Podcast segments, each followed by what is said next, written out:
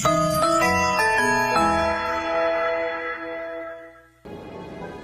Pemanasan global mengacu pada peningkatan suhu rata-rata bumi secara bertahap. Kenaikan suhu yang mendadak dalam beberapa tahun terakhir terutama disebabkan oleh meningkatnya kehadiran gas rumah kaca yang disebabkan oleh aktivitas manusia. Gas-gas ini termasuk karbon dioksida, metana, dinitrogen oksida, dan ozon. Perubahan iklim mengacu pada perubahan pola cuaca di bumi selama periode waktu yang panjang. Perubahan-perubahan ini alami, namun kegiatan termasuk pembakaran bahan bakar fosil, penggunaan lahan, deforestasi, dan pertanian memperbesar perubahan ini. Sebuah penelitian diterbitkan pada tahun 2018 di Nature Communications menjelaskan bahwa cuaca dingin yang memecahkan rekor dan gangguan pusaran kutub disebabkan oleh pemanasan kutub utara. Arus udara yang mengalir cepat yang terletak di belahan bumi utara yang disebut aliran jet bertanggung jawab atas fluktuasi cuaca di seluruh dunia. Angin bergerak dari timur ke barat dan didorong oleh perbedaan antara udara Arktik dan tropis. Temperatur yang lebih tinggi di kutub utara membuat aliran jet bergerak lebih jauh ke selatan. Fluktuasi ini menyebabkan tempat-tempat yang terletak di selatan Arktik mengalami musim dingin yang lebih dingin. Jadi begitulah teman-teman. Aktivitas manusia secara tidak wajar menaikkan suhu rata-rata bumi dan ini pada gilirannya mempengaruhi aliran jet yang sebagian besar bertanggung jawab atas fluktuasi cuaca, panas, dan dingin. Sebuah makalah yang diterbitkan dalam jurnal Science Advance mengatakan bahwa kejadian cuaca ekstrem dapat meningkat hingga 50% di tahun 2100. Halo semuanya, kembali bersama Jasmine dan rekan saya, Niki, di podcast MBTI, Mahasiswa Butuh Tidur. Nah, ngomong-ngomong soal permasalahan climate change yang udah sama-sama kita dengar lewat cuplikan berita sebelumnya, rasanya udah nggak asing lagi di telinga kita ya. Ya, Eh, mungkin kalau masih ada yang asing dengan istilah climate change, biasanya lebih sering disebut dengan pemanasan global atau global warming. Of course, isu mengenai climate change saat ini menjadi sering disebut dan dianggap sebagai masalah besar bagi kelangsungan hidup di bumi. Bukan hanya untuk manusia aja, tapi juga seluruh makhluk hidup kayak tanaman dan juga hewan. Nah, mereka ini seiring berjalannya waktu tuh punah karena perubahan suhu yang ekstrim. Nah, kalau kita flashback ke masa lalu nih, Iya. Climate change atau perubahan iklim itu merupakan istilah yang udah ada sejak zaman revolusi industri di abad ke-18 loh. Wah, berarti udah lama banget ya isu tentang climate change itu ada. Berarti secara nggak langsung juga adanya perubahan iklim itu dikarenakan keberadaan manusia yang berdampak pada lingkungan. Karena dilansir dari National Geographic, 95% aktivitas manusia secara langsung menghasilkan peningkatan suhu bumi da dalam 50 tahun terakhir yang disebabkan oleh sektor kegiatan berbahan bakar fosil, limbah organik, dan bahan pendingin pada alat elektronik. Maka dari itu, adanya perjanjian Paris bertujuan untuk mencegah atau memperlambat perubahan iklim yang terjadi di bumi nih. Well, setuju banget nih sama Niki. Perjanjian Paris ini di diadakan itu bertujuan baik buat lingkungan, yaitu untuk mengurangi 1,5 hingga 2 derajat Celcius peningkatan suhu bumi melalui pengurangan emisi karbon di negara-negara yang sektor industrinya besar. Tapi, ada loh salah satu negara yang memiliki pengaruh besar di ranah internasional, tapi membuat kebijakannya malah memutuskan untuk keluar dari perjanjian Paris. Siapa ayo? Oh, itu kan yang presidennya kalau buat kebijakan luar negeri sering kontroversial. Siapa lagi kalau bukan Donald Trump, Presiden Amerika Serikat. Yap, betul banget. Buat teman-teman yang penasaran, yuk kita dengerin cuplikan beritanya.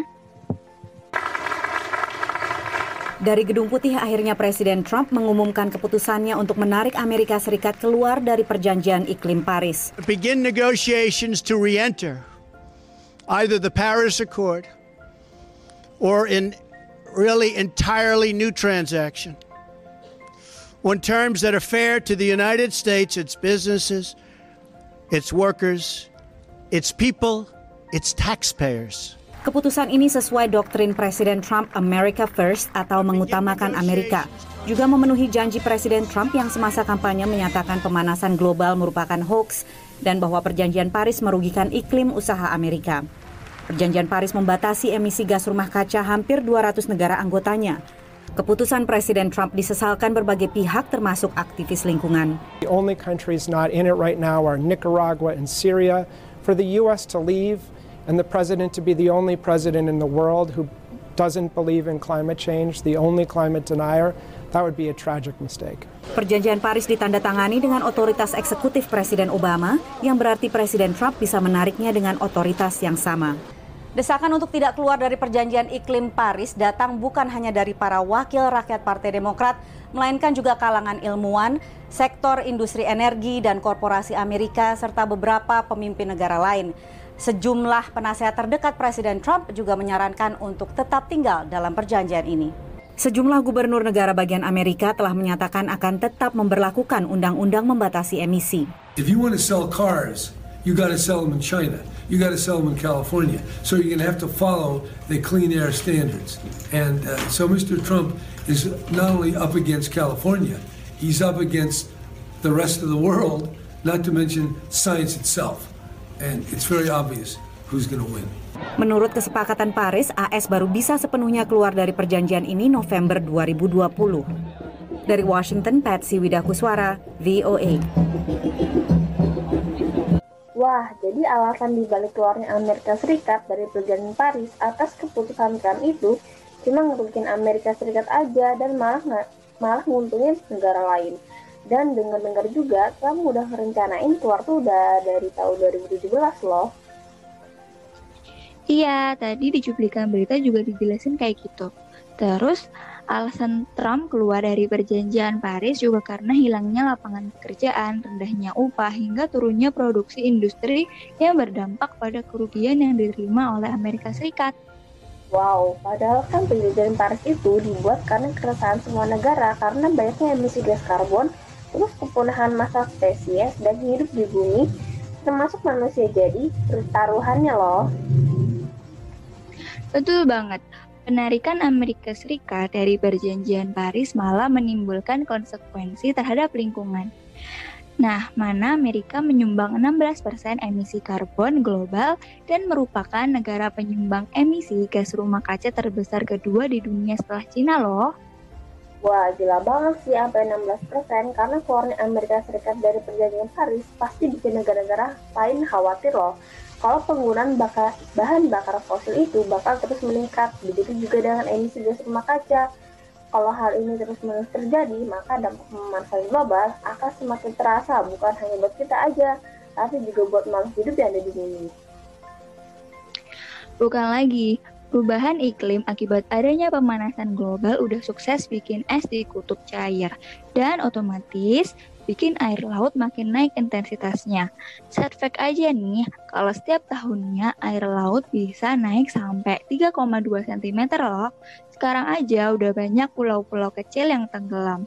Ih, ngeri ya, apa Donald Trump nggak mempertimbangkan ini sebelumnya? Kayaknya hampir semua orang tahu deh kalau Trump itu lebih fokus terhadap isu ekonomi dan bisnis. Dibuktikan dengan Trump yang selalu menekankan target pertumbuhan ekonomi 3% dalam tiga kuartal terakhir ini, pertumbuhan ekonomi Amerika Serikat bisa dibilang mengecewakan akibat perang dagang terjadi dengan Cina. Bahkan dalam pertemuan G7 di, di mana Amerika Serikat berperan sebagai tuan rumah, isu tentang perubahan iklim juga tidak akan jadi pokok diskusi kan. Hal ini semakin mengindikasikan bahwa Trump memang kurang fokus terhadap isu-isu lingkungan. Nah, sobat rebahan sekalian, kasus keluarnya Amerika Serikat dari perjanjian Paris ini dapat ditelaah lebih dalam dengan menggunakan kacamata analisis politik luar negeri loh. Donald Trump di sini berperan sebagai top leader atau pembuat kebijakan yang paling utama dalam sistem pemerintahan di Amerika Serikat. Sebelumnya, Amerika Serikat di bawah pemerintahan Presiden Barack Obama mendukung perjanjian Paris dan sampai-sampai udah diratifikasi. Namun, coba tebak apa jadinya ketika Donald Trump terpilih sebagai Presiden Amerika Serikat? Pastinya Donald Trump menentang dan mencoba menarik diri dari menarik diri Amerika Serikat dalam perjanjian Paris. Bukan tanpa sebab Donald Trump memutuskan untuk mengeluarkan Amerika Serikat dari keanggotaan perjanjian Paris. Gak heran lah ya kalau Donald Trump bilang kalau dia ingin keluar dari perjanjian Paris karena dia merasa perjanjian Paris tuh cuma ngerugiin Amerika Serikat aja. Orang Trump lahir itu dari keluarga pengusaha. Jadi ya pasti yang diutamain itu profit atau value-nya. Wah iya bener banget tuh. nah, waktu kuliah aja nih ya, Trump itu udah mewakili karir, mengawali karir di dunia properti lewat perusahaan milik ayahnya. Terus dia juga diangkat sebagai presiden organisasi yang berkonsentrasi di bidang penyewaan rumah kelas menengah loh. Kalau salah satu proyek pertamanya itu adalah merenovasi komplek apartemen System Village di Cincinnati, Ohio. Keren banget gak tuh? Wah, keren banget sih. Selain itu juga, Trump dapat gelar sarjana dari jurusan Ekonomi Wharton School di Universitas Pennsylvania. Jadi nyambung banget kan sama latar belakang keluarganya yang seorang pebisnis. Dengar latar belakang Trump yang seorang pebisnis itu jadi pengen bisnis juga, tapi bisnis ayam geprek aja deh. Eh BTW, menurut analisismu ya, tipe personalitas Donald Trump itu gimana sih? Nah, kalau menurutku sendiri, tipe personalitas Trump itu aktif positif. Soalnya, dia itu cenderung menyukai apa yang dia kerjakan dan menyukai profesinya. Selain itu, Trump juga telah menjalankan masa pemerintahannya dengan baik meskipun kadang ada kebijakan-kebijakan yang kontroversial. Tahu lah ya, dari awal Trump menjabat udah banyak kebijakan baru yang banyak nimbulin kontrak. Tapi di sisi lain, Trump juga berhasil menyelesaikan masa jabatannya dengan baik. Iya sih, aku juga melihat Trump sangat menyukai profesinya dan kinerjanya selama dia menjadi pejabat Amerika Serikat. Dan Trump juga menyukai masa-masanya saat kampanye, baik dari pemilu 2016 atau yang sekarang.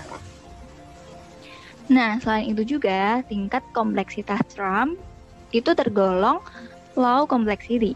Bisa dilihat dari seringnya Trump mengucapkan kata always yang dapat diartikan bahwa Trump percaya diri, dia mengatur dan merasa positif bahwa kebijakannya itu akan berhasil untuk Amerika. Iya, selain itu dalam kasus keluarnya Trump pada perjanjian Paris, dia juga sangat optimis banget tuh untuk menaikkan value Amerika Serikat dan juga nggak takut tuh buat digibahin sama negara-negara lain nih karena keluar dari perjanjian Paris itu. Wah, berarti pantas saja ya ketika Donald Trump selama memerintah Amerika Serikat jadi negara yang lebih konfliktual dari sebelumnya. Ini tuh ada hubungannya sama pengaruh tingkat kepercayaan diri Donald Trump yang berada di low complexity. Nah, berbicara mengenai kepercayaan diri seorang pemimpin, memang Donald Trump ini dilihat-lihat nggak pernah ada takutnya kalau mau bikin suatu kebijakan luar negeri. Mau yang biasa aja bahkan sampai kontroversial pun digas aja. Termasuk keputusannya buat keluar dari perjanjian Paris ini dong. Dengan percaya dirinya Donald Trump ini bilang kalau perekonomian Amerika Serikat harus jadi nomor satu di atas yang lain. It's meant that he ignore all about climate change and say that climate change is hoax. Bisa dibilang Donald Trump ini punya karakter yang selfish ya, padahal perubahan iklim itu beneran ada. Nah, tapi Emang isu ini tuh dilema banget buat semua orang. Amerika Serikat menyumbang sekitar 16% emisi karbon global yang artinya buruk banget buat lingkungan kalau nggak dibatasi. Namun juga pada saat bersamaan, dari 16 emisi karbon itu merupakan sumber keuangan dan teknologi baik untuk Amerika sendiri maupun negara-negara berkembang dalam upaya mengatasi peningkatan suhu. Nggak nggak salah lagi sih. Sebagai negara superpower, Amerika emang lebih punya pengaruh dan lebih dominan pakai kekuatannya baik dalam segi ekonomi maupun politik. Seperti yang kita tahu, eksistensi Amerika pun bisa mempengaruhi negara-negara di sekitarnya dengan kata lain need for power. Donald Trump juga lebih banyak mendahulukan kepentingan Amerika Serikat di atas yang lainnya melalui gagasannya American First atau Make America Great Again. Apalagi kan di masa pemerintahan Donald Trump, Amerika lagi panas-panasnya perang dagang sama Cina tuh. Wah, jadi makin menggebu-gebu deh. Secara nggak langsung juga, konstruksi kebijakannya emang lebih mengarah ke ekonomi daripada lingkungan.